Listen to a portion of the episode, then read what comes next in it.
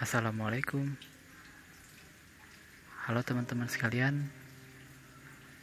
Hari ini Kaiki pengen bagiin Sebuah kisah inspiratif Untuk teman-teman sekalian Yang bakal Jadi sebuah Semangat baru Jadi sebuah Contoh Serta tauladan untuk kita semua menjadi manusia yang jauh lebih baik daripada hari ini.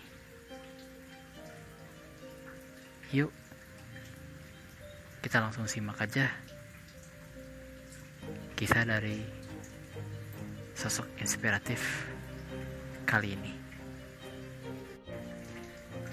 Kisah ini menjelaskan tentang sahabat Rasul Tolha bin Ubaidillah At-Taimi.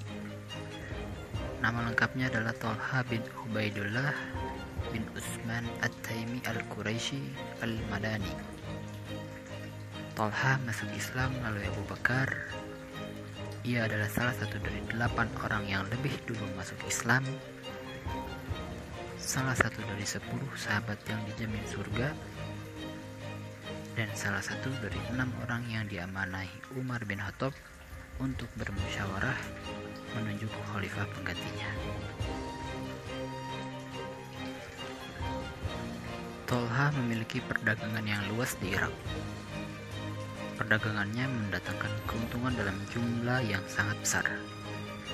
Meski demikian, ia tidak pernah menahan hartanya untuk ia berikan kepada orang miskin khususnya dari kalangan kerabat dekatnya. Ia tidak membiarkan seorang fakir pun di kalangan Bani Taim, melainkan pasti ia cukupi beban hidupnya dan juga keluarganya, serta melunasi utangnya.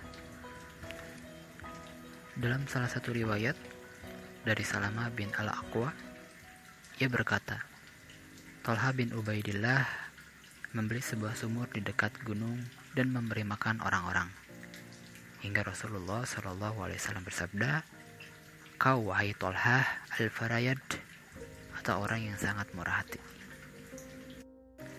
Karena Tolhah terkenal dengan kedermawanannya, ia mendapatkan banyak julukan indah, di antaranya Tolha al-Fayad atau Tolha yang suka memberi, Tolha al-Jawad atau Tolha yang sangat murah hati, dan Tolha al-Khair atau Tolha yang baik. Pada bab keberaniannya, saat perang Uhud, setiap kali perang Uhud disebut, Abu Bakar radhiyallahu anhu selalu berkata, perang tersebut seluruhnya milik Tolha.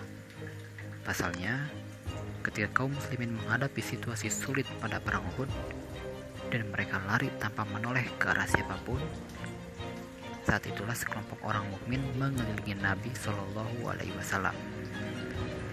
Mereka bertekad untuk tidak menyerahkan beliau kepada orang-orang kafir, meski apa pun yang mereka hadapi. Mereka berjanji kepada Nabi Shallallahu Alaihi Wasallam untuk mati dan menjual diri kepada Allah.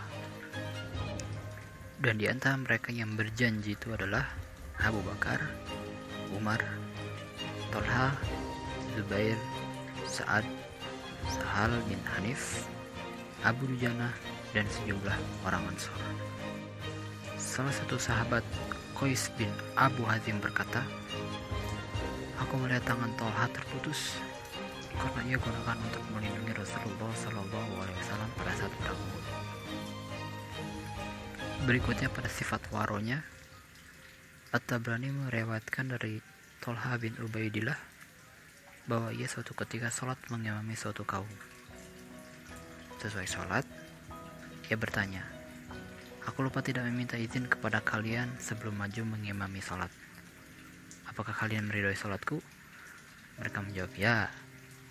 Lalu ia berkata, Aku mendengar Rasulullah Shallallahu Alaihi Wasallam bersabda, siapa pun yang mengimami suatu kaum, sedangkan mereka benci kepadanya, maka sholatnya tidak melampaui kedua telinganya.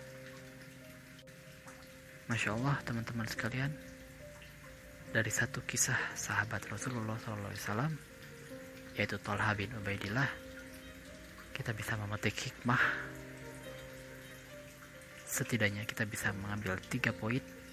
Yang pertama adalah kedermawanannya. Yang kedua adalah keberaniannya. Dan yang terakhir adalah sifat waronya mudah-mudahan kita bisa mengikuti sifat-sifat yang ada pada Tolha bin Ubaidillah dalam kehidupan sehari-hari. Itu saja teman-teman sekalian untuk hari ini.